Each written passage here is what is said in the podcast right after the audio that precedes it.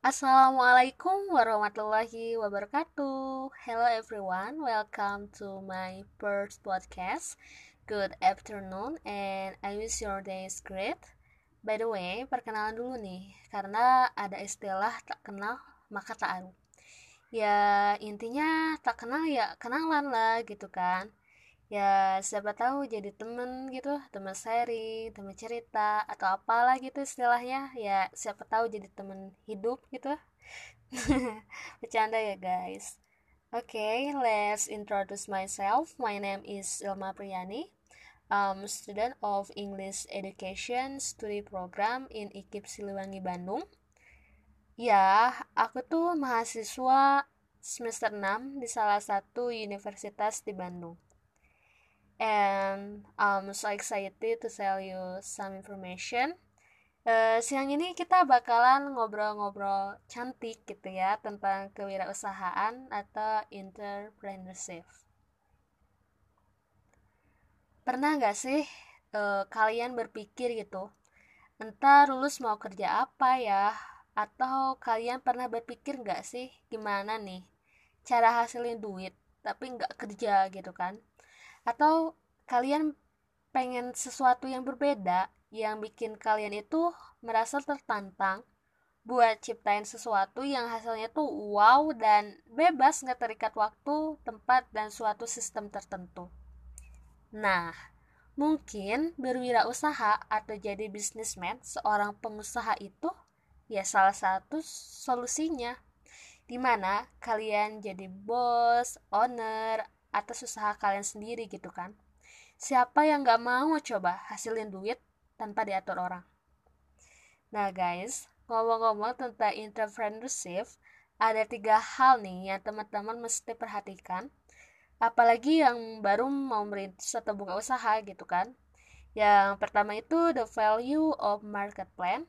Yang kedua identify the market competition. Dan yang terakhir database Oke, okay. uh, eh, kita bakalan masuk ke poin pertama, itu the value of market plan. Apa sih kak pentingnya market plan atau perencanaan suatu usaha? Oh, jelas ini fondasi utama dalam memulai suatu bisnis. Suatu perencanaan usaha atau rencana pemasaran itu ia bergantung bagaimana kita bisa membaca dan menjangkau pangsa pasar bagaimana cara kita menemukan peluang, kesempatan, dan kemudian jalan.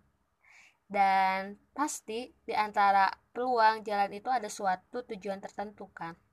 Nah, untuk memulai semua itu, dalam tahap ini kita bisa melakukan riset pasar. Oke, logikanya gini kan.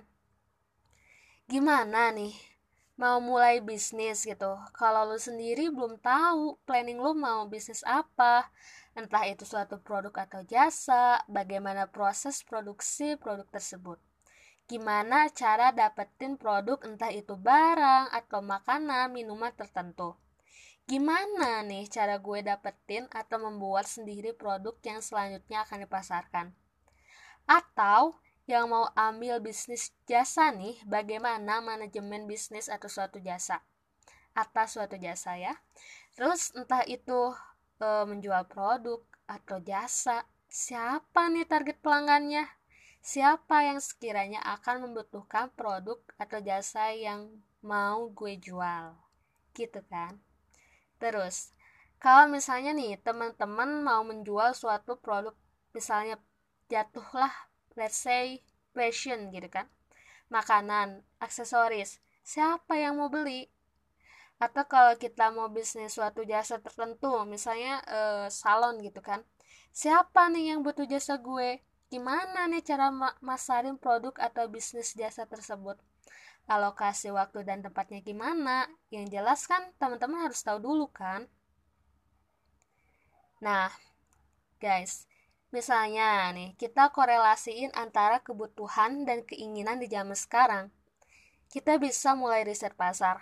Misalnya based on my experience. Karena aku sendiri punya small business kan di bidang makanan.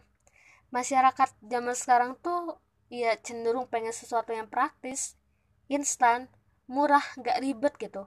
Tinggal pencet langsung tring ada gitu kan dan sesuatu itu ya yang kekinian yang zaman yang zaman now banget gitu kan nah misalnya kita riset pasar aku ada yang survei apa sih yang sekarang lagi booming atau jadi trending topik misalnya sekarang karena di masa pandemi orang-orang cenderung diam di rumah kan atau membatasi kegiatannya di luar rumah ya bisa dibilang mageran gitu jadinya kan nah kita berpikir misalnya makanan Makanan itu kebutuhan manusia. Semua orang pasti butuh dan suka lah makan.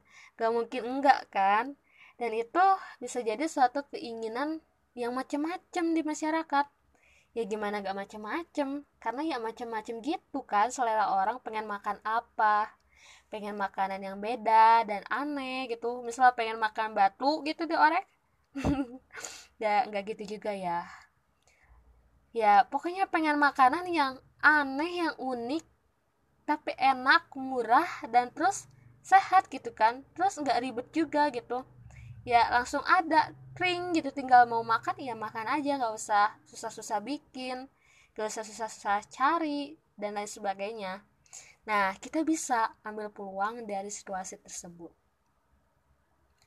Nah, oke, okay, misalnya ya, setelah bertapa gitu seribu tahun gitu, akhirnya dapat pencerahan. Akhirnya, e, misalnya gue mau bisnis makanan. Target gue tuh ya semua kalangan, mau anak kecil, dewasa, lansia, semuanya harus bisa makan produk yang mau gue pasarin.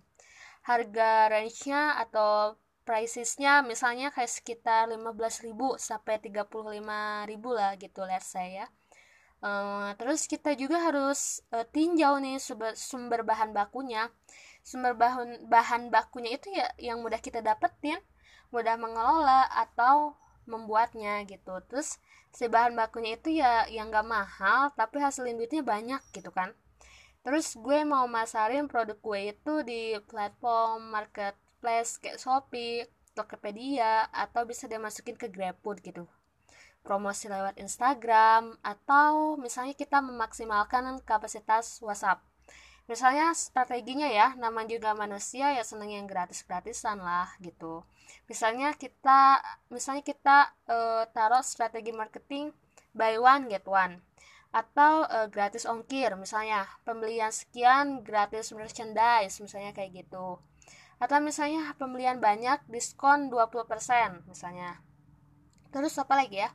uh, misalnya flash sale diskon 30% hanya dalam waktu 10 menit dengan produk limited edition.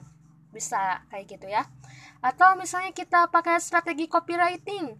Waktu kita promoting branding and advertising kita bisa tuh pakai strategi copywriting.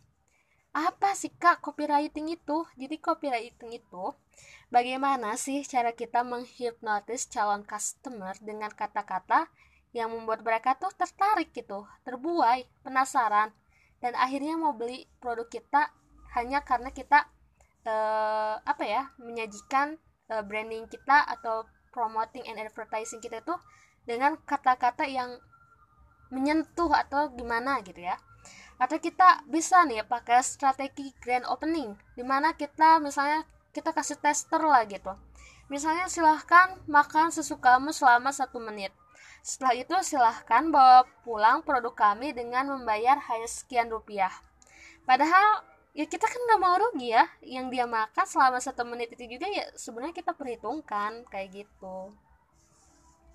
Atau misalnya strategi marketingnya, misal kalau udah mulai berkembang gitu ya, e, kita bisa kan buka mitra oven reseller, jadi supplier, atau bahkan kalau misalnya udah gede gitu bisnisnya bisnisnya gitu kan bisa kita buka mentoring bisnis itu ya nah ya sekiranya gambaran tentang market plan ya begitulah e, di mana di situ juga kita harus pintar-pintar buat strategi marketing Oke, okay, kita masuk ke poin kedua ya. Poin kedua itu identify the market competition.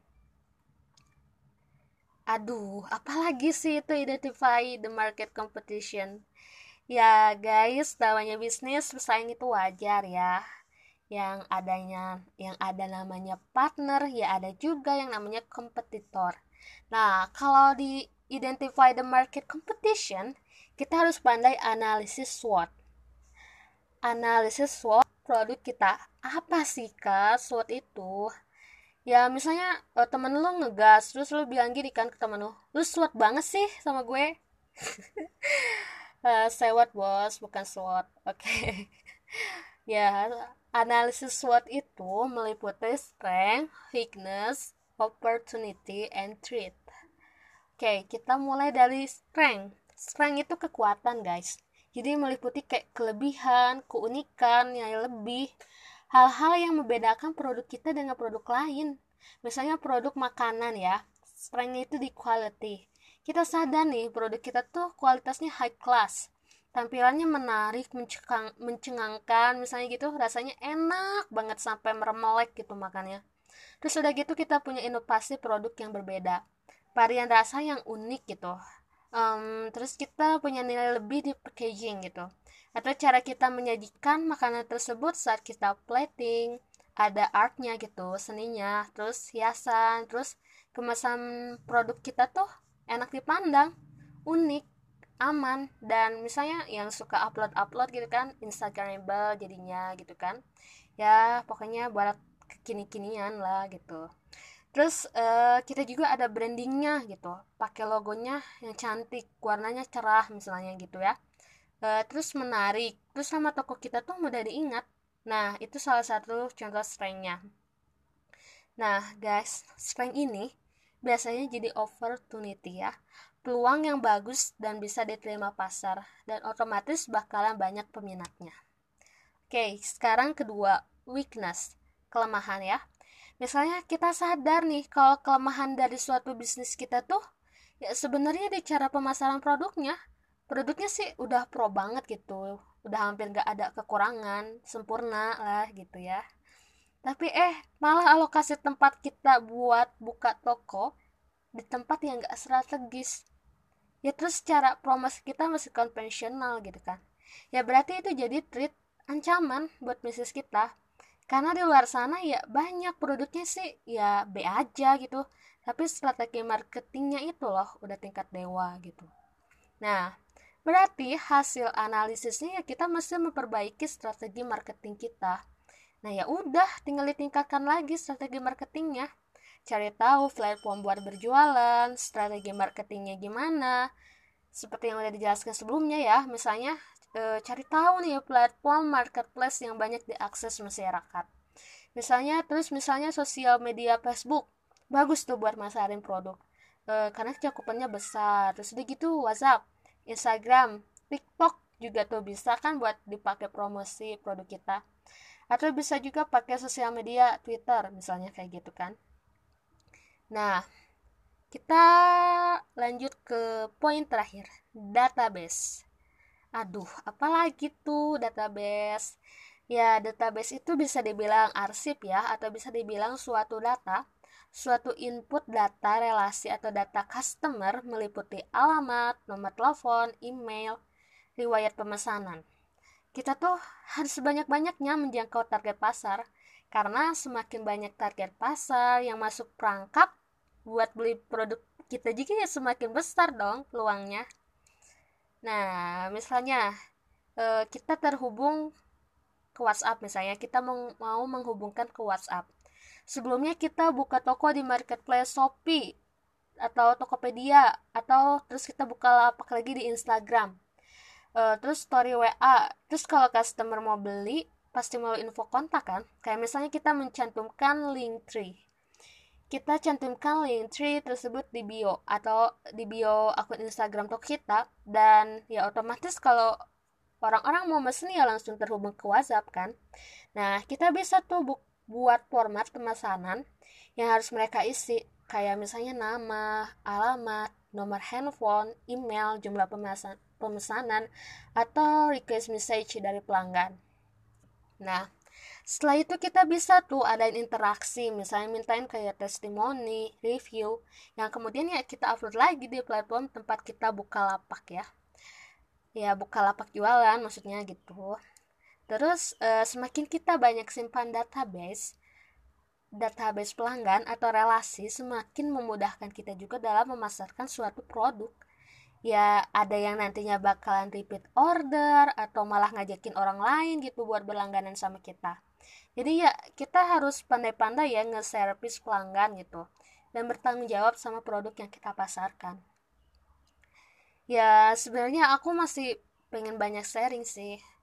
Uh, tapi mungkin kita ketemu di next podcast aja ya. Ya sekiranya itulah yang bisa aku bagi sama kalian di first podcast ini uh, aku harap kalian suka ya dengan informasi yang aku sampaikan. Uh, lebih kurangnya aku mohon maaf. Dan buat kalian yang sekarang lagi mulai merintis usaha tetap semangat. Ya jatuh bangun itu pasti. Terus ya harus pandai-pandai lah mencari informasi. Terus ya jangan jangan apa ya jangan takut buat mencoba hal-hal baru gitu loh. Dan sukses buat kalian semua. Thanks for listen and see you on next podcast. Bye bye. Wassalamualaikum warahmatullahi wabarakatuh.